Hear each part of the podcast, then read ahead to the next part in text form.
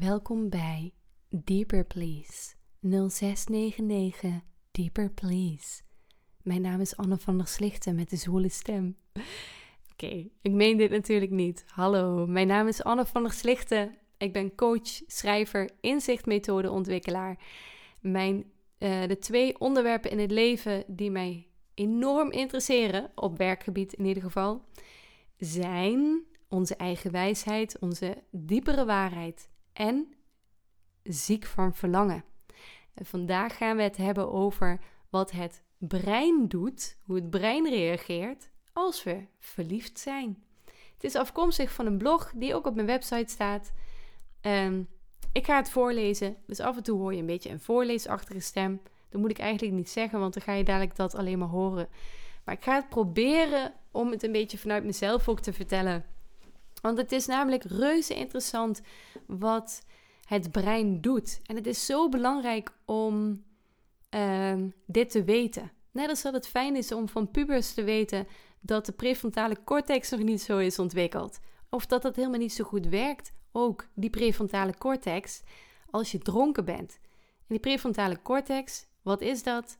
Nou, dat is het deel in de hersenen dat risico's kan inschatten.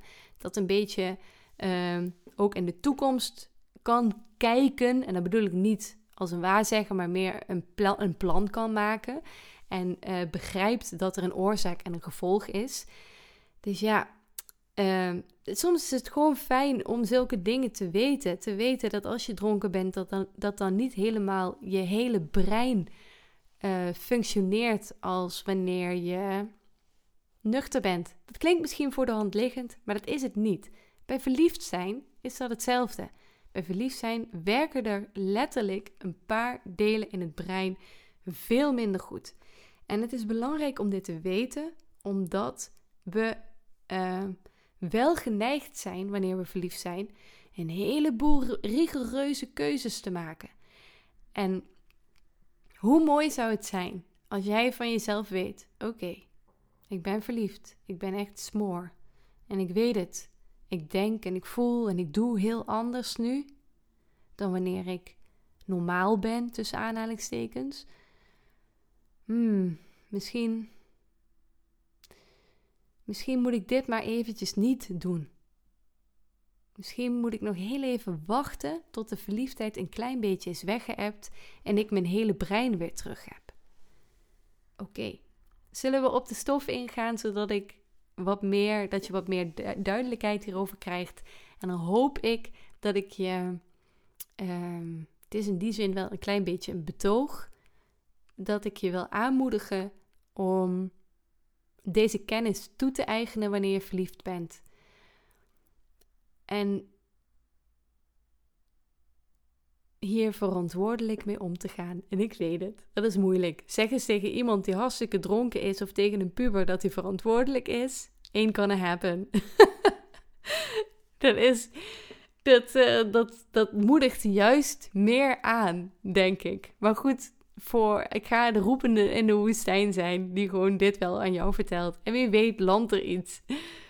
Maar het is wel reuze interessant hoor. Want het kan ook zijn dat je, als je dit dadelijk allemaal gehoord hebt, dat je uh, wat meer mededogen met jezelf hebt. En dat je denkt, oh ben ik toch een schatje met een halfwerkend brein. Oké, nou, midden in een verliefdheid, hè, dan kunnen we ons vrij, onbezorgd en oh, zo gelukkig en zo levendig voelen. Dan kunnen we ons intens verbonden voelen met de ander. We zijn minder angstig. We durven meer risico's te nemen. En we hebben het gevoel dat we alles voor de liefde over hebben. Maar de vraag is: hoe kan dat eigenlijk? Is zoiets te verklaren als we kijken naar ons brein? Is het ook misschien te verklaren dat we als mensen, als we verliefd zijn, ook bijvoorbeeld eerder een affaire starten? Of uh, vreemd gaan. Ja, goed, het zou raar zijn als je een affaire start als je niet verliefd bent, maar valt dat ook te verklaren in het brein dat we soms keuzes maken die eigenlijk helemaal niet zo slim zijn? Ja. En hoe kan het eigenlijk dat we, uh, als, dat we soms als we verliefd zijn het idee hebben Dat we helemaal in de ander op kunnen gaan. Dat we als het ware samen één geheel zijn. Het valt allemaal te verklaren. Ooit, een paar jaar geleden, las ik een hele interessante Amerikaanse blog ehm, over wat het brein dus doet als het verliefd is. Het ging niet over de spirituele kant ervan of de mystieke kant waar ik heel veel van hou. Nee, het ging puur over biologie. En ik heb die blog naar het Nederlands vertaald en daar in mijn eigen woorden en een beetje mijn eigen voorbeelden ook, ehm, zal ik vandaag in deze aflevering daarover vertellen.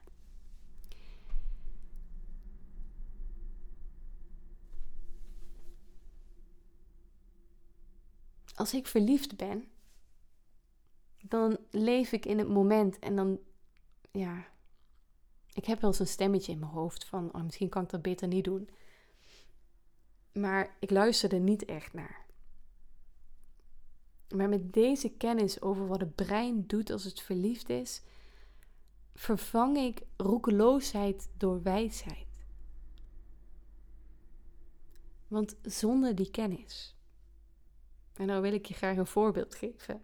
Zonder die kennis ben ik als een dronken tante, die echt met veel te veel glazen op, als, uh, ja, wat zou ik kunnen zeggen, op de tafel aan het dansen is en haar hoofd tegen een lamp stoot en dan van de tafel valt en de volgende dag wakker wordt en spijt heeft van de hoeveelheid glaasjes die ze heeft gedronken en zich afvraagt of ze nou echt op een bepaald moment haar onderbroek had gegooid naar die veel te serieuze zwager van haar.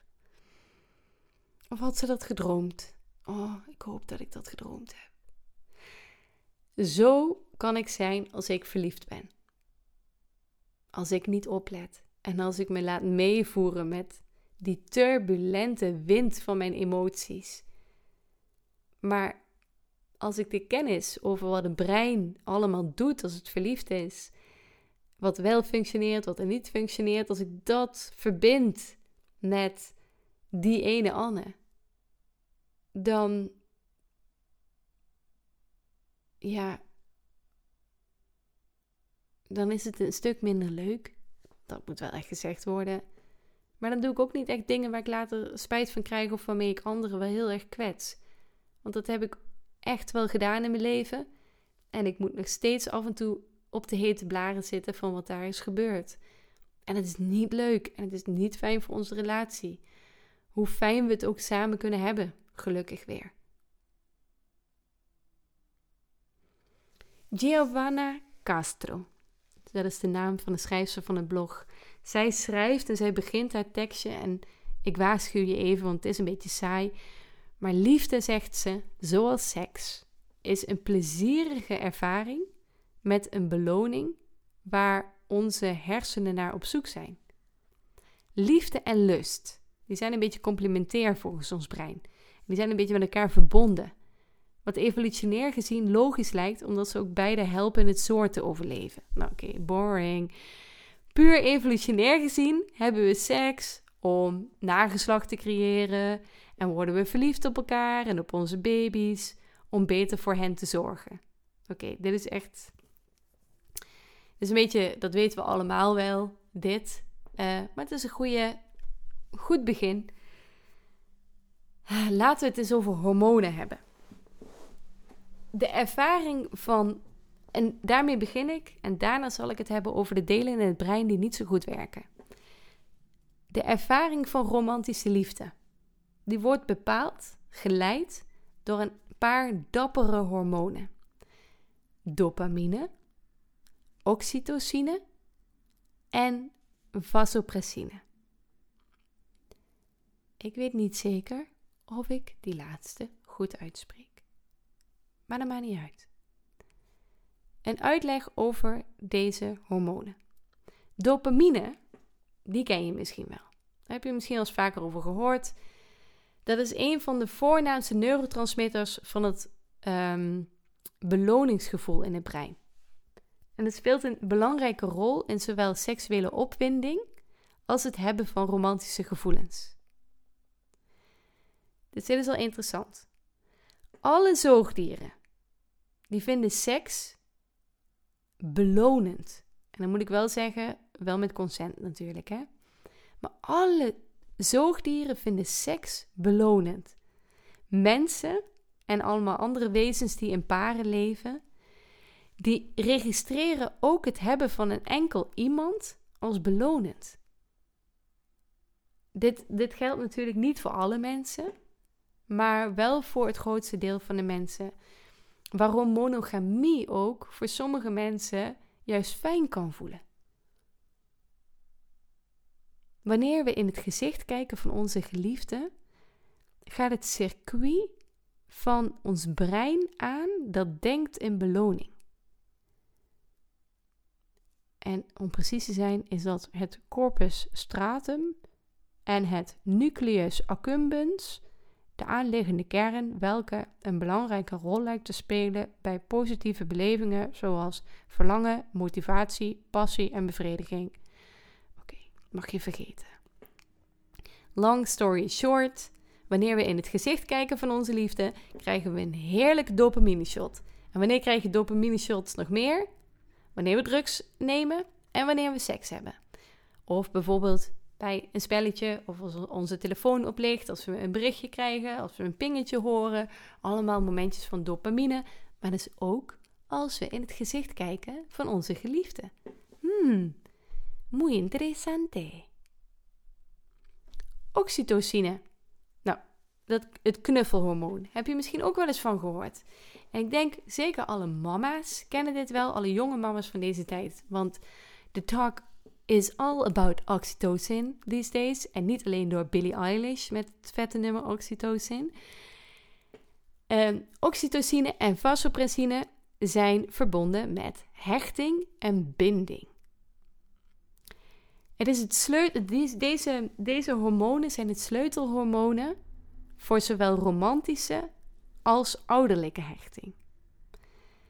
En deze worden vrijgelaten tijdens een orgasme Echt, het gaat zoveel over seks in dit hele ding. Maar goed, het, het lijkt er, ja, wat het al zei, hè, wat die ene Giovanna Castro ook zei, dat, um, dat dit ongeveer dezelfde dingen aangaan of uitgaan tijdens seks als bij verliefdheid. Um, maar oxytocine en vasopressine die worden vrijgelaten tijdens een orgasme, de geboorte van een kind, borstvoeding en ook die eerste fase van de uh, geboorte, als de bevalling is geweest, dan kunnen we wel eens in zo'n roze wolk zitten, toch? En als dat je gegund is, want ik ken ook een paar vrouwen die dat niet hebben meegemaakt. Um, en die juist ervoor pleiten dat we niet allemaal zeggen dat het zo normaal is. Nee, het is helemaal niet normaal per se dat je dat hebt. Maar volgens het brein is um, die roze wolk hetzelfde als verliefdheid. En nu wordt het interessant, vind ik. In samenwerking met de bovenstaande, dus eigenlijk alles wat ik net zei, maar ik ben het voorlezen, dus ik las per ongeluk bovenstaande voor. Oké, again. Nu wordt het interessant. In samenwerking met alles van wat ik zojuist zei, zijn er dus ook breinen, delen in het brein, die minder geactiveerd worden tijdens verliefdheid. Wanneer we in die oh zo prachtige ogen kijken van onze geliefde, spelen er in de volgende belangrijke delen van ons brein een verminderde activiteit af. De amygdala, de frontale cortex, ken je deze nog? Nog, nog? De parietale kwab en de mediale temporale kwab. Je hoeft het voor mij niet allemaal te onthouden. Ik ga je dadelijk niet een of andere quiz uh, of toets doen van heb jij de parietale kwab onthouden en wat hij doet? Nee. Laten we het gewoon hebben over, wat mij betreft, het meest interessante deel van deze hele aflevering. Wat werkt weinig tot niet? We beginnen bij de amygdala. Tante amygdala noem ik er ook wel eens. Waarom? Omdat het leuk klinkt. Maar de amygdala, die houdt zich bezig met angst en woede. Wanneer deze minder geactiveerd wordt, dus dit deel van het brein, is er een verminderde aanwezigheid van deze emoties. En dit verklaart misschien wel waarom we ons zo veilig en gelukkig kunnen voelen in de armen van onze geliefde. En dat helpt evolutionair gezien ook wel bij het vormen van een intieme relatie. Als die amygdala minder werkt en we dus minder bang zijn en minder snel boos worden, dan durven we onszelf kwetsbaarder op te stellen. Dan durven we meer van onszelf te delen. En dan vertrouwen we, vertrouwen we de ander sneller. En je raadt het misschien al, maar wanneer is er nog meer een verminderde activatie van de amygdala? Nou, tijdens een orgasme, even dat je het weet. Maar als iemand hè, ergens op televisie of in een boek of in een podcast begint over een, of in een gesprek, begint over een amygdala, dan moet ik altijd denken aan de documentaire Free Solo. Er is een bergenbeklimmer, een professional, Alex Honnold. En op zijn eigen kracht, zonder touw, zonder gear, klimgear. Ik weet niet of je dat zo noemt. Want ik, ben, ik zit echt niet in de klimmerwereld. Maar zonder touw en zonder al die haakjes en al die dingen. Zonder pakje aan, zonder broekje. Beklimt hij een enorme berg in Amerika. De El Capitan. Dus dat is niet alleen, flauw grapje, niet alleen een besturingssysteem van Apple. El Capitan. En één verkeerde stap op die berg. Eén keer dat hij niet net iets weet te pakken. En hij zou dood te pletter neervallen. Of hij zou te pletter neervallen en dan dood zijn. Zo moet ik het zeggen. Die film, Free Solo, die kwam uit in 2018. Die trok volle zalen. Ik zat ook in de bioscoopstoel. En ik zat daar en ik dacht, die man is gewoon gek. Kom op zeg, dit doe je toch niet? En ik voelde gewoon hoe mijn eigen handen plaatsvervangend helemaal nat zweterig werden. Alleen maar bij de gedachte dat ik die berg beklimmen moest. En ja, nogmaals, ik ben dus echt geen klimmer, dus... Oh, ik moet er niet aan denken. En het interessante is dus dat in die documentaire onderzoeken ze op een gegeven moment het brein van die Alex Honnold, die professionele bergbeklimmer. En dan zien ze dat zijn amygdala minder actief is dan bij andere mensen, dan bij normale mensen, tussen aanhalingstekens. Die man, die voelt dus ook gewoon letterlijk minder angst. Die andere mensen misschien wel zouden voelen. Voor mij was het zo'n groot aha-moment. En voor wie zich trouwens afvraagt of die bergbeklimmer het overleefd heeft, kijk maar de film of lees de synopsis op Wikipedia, want dat doe ik ook altijd als ik een film te spannend vind om te kijken. En toch wel weten hoe die afloopt. En ik moet zo vaak aan die film denken. Vanwege die amygdala.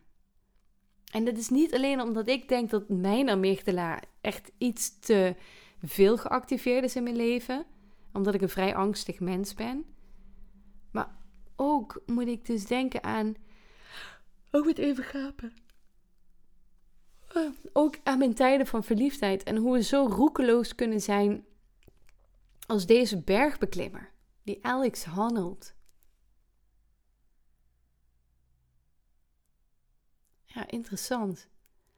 En dan nu over die frontale cortex. Dat is het centrum van ons functioneren. Van kunnen oordelen, van logica. En als we verliefd zijn, wordt alles van dat al gauw overboord gegooid. Dat oordelen, die logica. Er is dus een soort van oponthoud in ons vermogen om te kunnen oordelen of we krijgen ineens een wat meer ontspannen kijk, een ontspannen blik. Met een ons, meer ontspannen blik kijken we naar de ander. We houden van mensen ondanks hun tekortkomingen. En wat dus blijkt, we zien die tekortkomingen dus niet eens als die prefrontale cortex niet werkt. Of we veroordelen hen gewoon iets minder hard dan dat we normaal gesproken zouden doen. Allemaal omdat die frontale cortex beneveld is door liefde. En dat verklaart dus ook, misschien wel, waarom we tijdens verliefdheden ons vaak minder druk maken over de kleine ongemakken in het leven. We don't care as much. Moet ik even goed zeggen? We don't care as much. Klinkt een beetje raar, smudge. As much.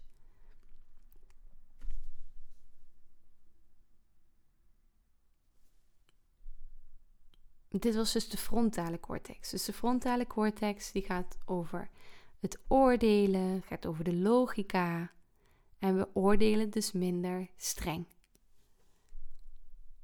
Omdat die minder werkt.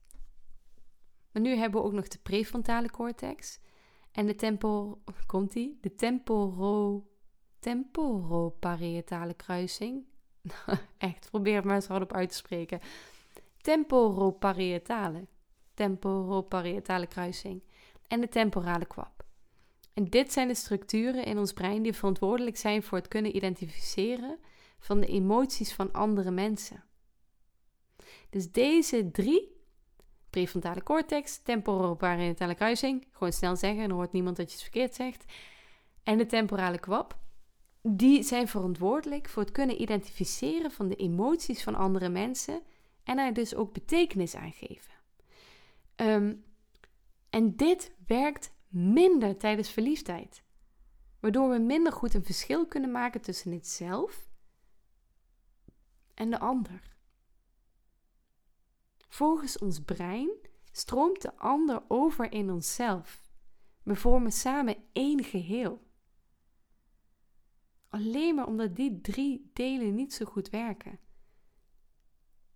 Het is bizar toch?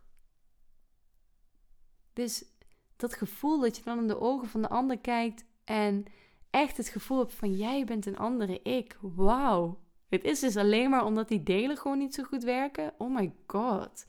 Omdat ik emoties minder goed kan herkennen en identificeren. Omdat ik minder goed kan zien wat van jou en van mij is. Omdat ik niet zo dat verschil kan maken. Het ik en de ander kan ik moeilijker onderscheiden. Hmm.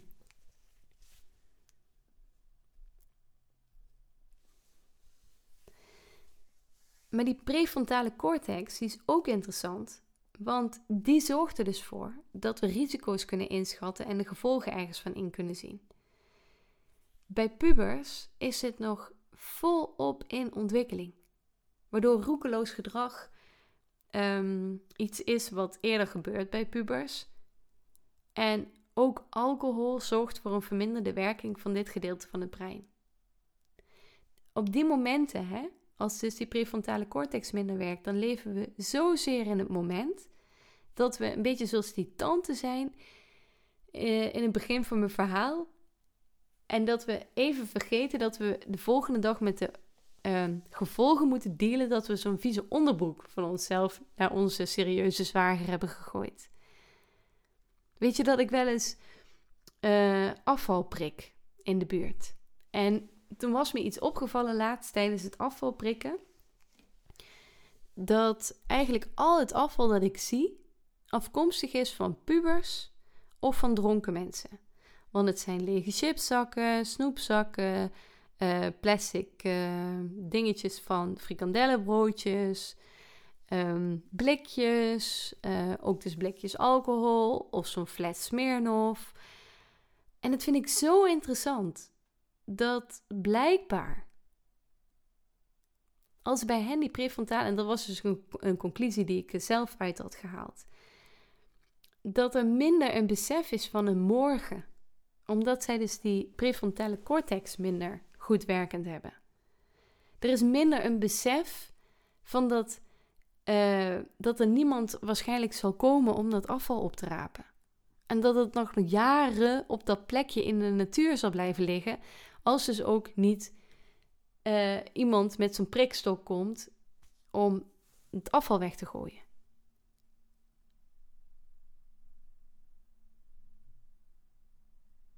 Er is minder een besef dat de dingen die we vandaag de dag doen en besluiten, dat daarin de toekomst besloten ligt. Er is niet alleen maar een nu. Er is ook, het nu is altijd een opeenstapeling van het verleden en van de toekomst die nog zal komen.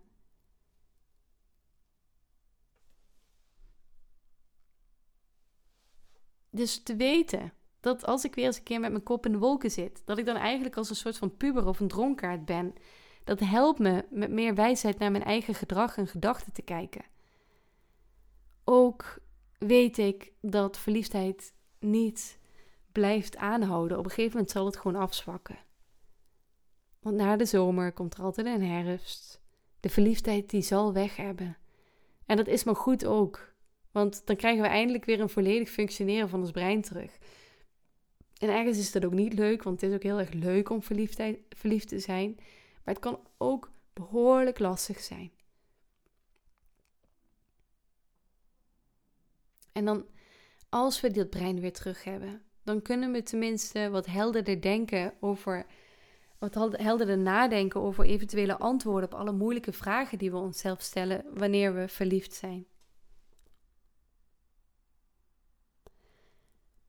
alles wat je net hebt gehoord. Ehm, ik wil er graag een samenvatting van geven. Die heerlijke stortvloed van dopamine, want daar begonnen we mee met die hormonen. Die zorgt ervoor dat we ons voelen zweven en dat we ons blij voelen, net als bij drugs en net als bij seks. Um, een verhoging van oxytocine en, vasopressine die helpen bij het verdiepen van een relatie. Terwijl een verminderde werking van onze amygdala ons helpt om onze partner meer te vertrouwen. En verminderde werking van de prefrontale cortex zorgt ervoor dat we de tekortkomingen van onze partner minder goed zien en dat we alles voor de liefde over hebben. En uiteindelijk zorgt de deactivatie van het herkennen van het zelf en van de ander ervoor dat we een eenheid in de liefde ervaren. Oeh, zo'n eenheid waar we zo naar kunnen verlangen. En het is echt, het klinkt allemaal hartstikke mooi, maar het is ook vreselijk onhandig. Want ons brein zorgt ervoor dat we maar een halve waarheid zien. En dat is zo jammer, want als, ik weet nog van de keren dat ik verliefd ben, dat ik dan denk, dit is de waarheid. Dit is het enige ware. Maar we mogen wel wat kritischer naar onszelf zijn op die momenten. Wil ik bij mijn partner blijven of toch voor de ander gaan? Dat is een vraag die eigenlijk pas na de eerste fase van verliefdheid beantwoord kan worden. En ja, we gaan dingen doen in die eerste fase van onze verliefdheid waar we spijt van krijgen. Of je dit nou weet of dat je dit nou niet weet. Wat ik één ding wat ik wel geleerd heb is dat we sowieso altijd fouten maken. En het is maar zo. Um, schrijf ik ook over in mijn boek van Ziek van Verlangen waarmee ik trouwens nog niet klaar ben. Uh, een hoop dit jaar, eind dit jaar, mee klaar te zijn. Maar het interessante is wel dat als je echt smoor bent en zwaar verliefd dus bent, dat, um, dat als je dan vreemd gaat, dat je, ja, dat klinkt een beetje suf, maar dat het misschien nog niet eens zo'n bewuste keuze is. Want het in kunnen schatten van risico's en weten wat het met onze huidige partner doet, ja, die dingen die zijn gewoon dan even niet aanwezig.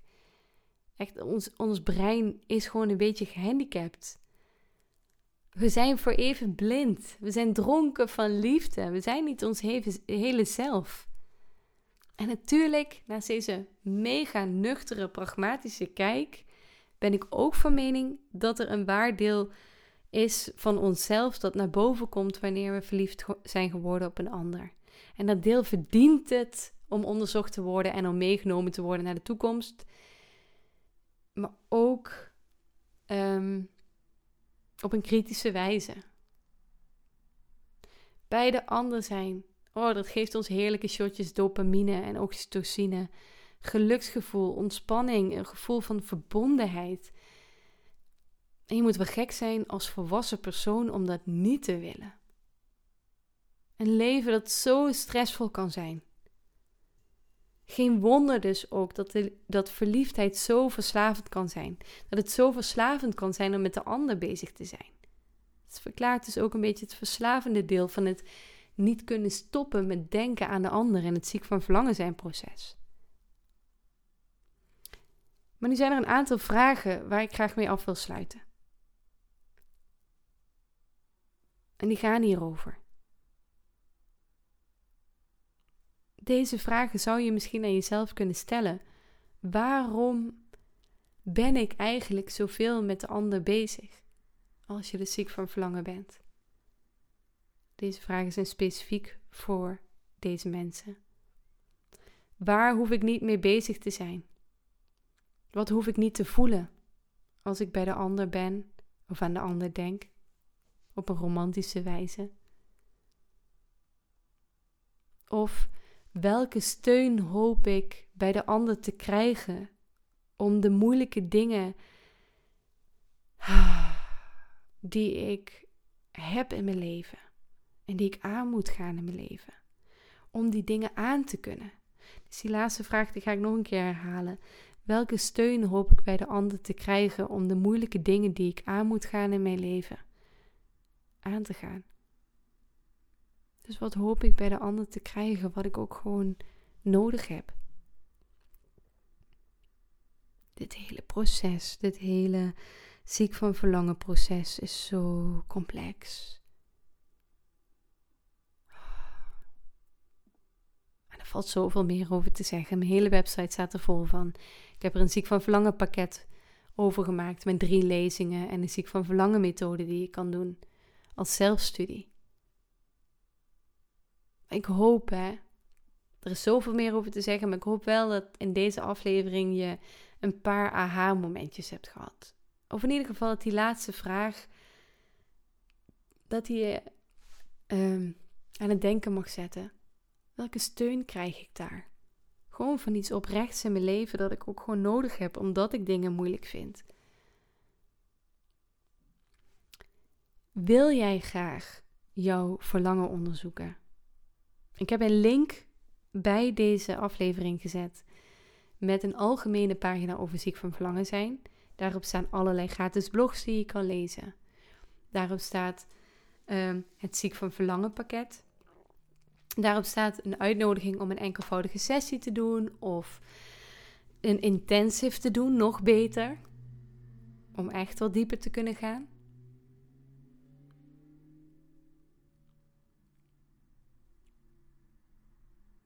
Of heb jij een vraag over ziek van verlangen zijn? Kijk dan naar uh, mijn Substack-account. Entering heet het. Dit is een mailing, een gratis mailing. Uh, en je kan ook een betalende abonnee worden. Per jaar maar 55 euro. En dan krijg je een, nou ik zou niet zeggen een boel, maar je krijgt een en ander aan ook afgesloten content die je nergens anders te lezen krijgt. En, uh, en hierin beantwoord, beantwoord ik ook ziek van verlangen vragen. Dus uh, dat kan ook interessant zijn. Nou ja, uh, ga naar de link in, de, in deze aflevering als je benieuwd bent naar meer. En dan wens ik je voor nu heel erg veel liefs en dankjewel voor het luisteren.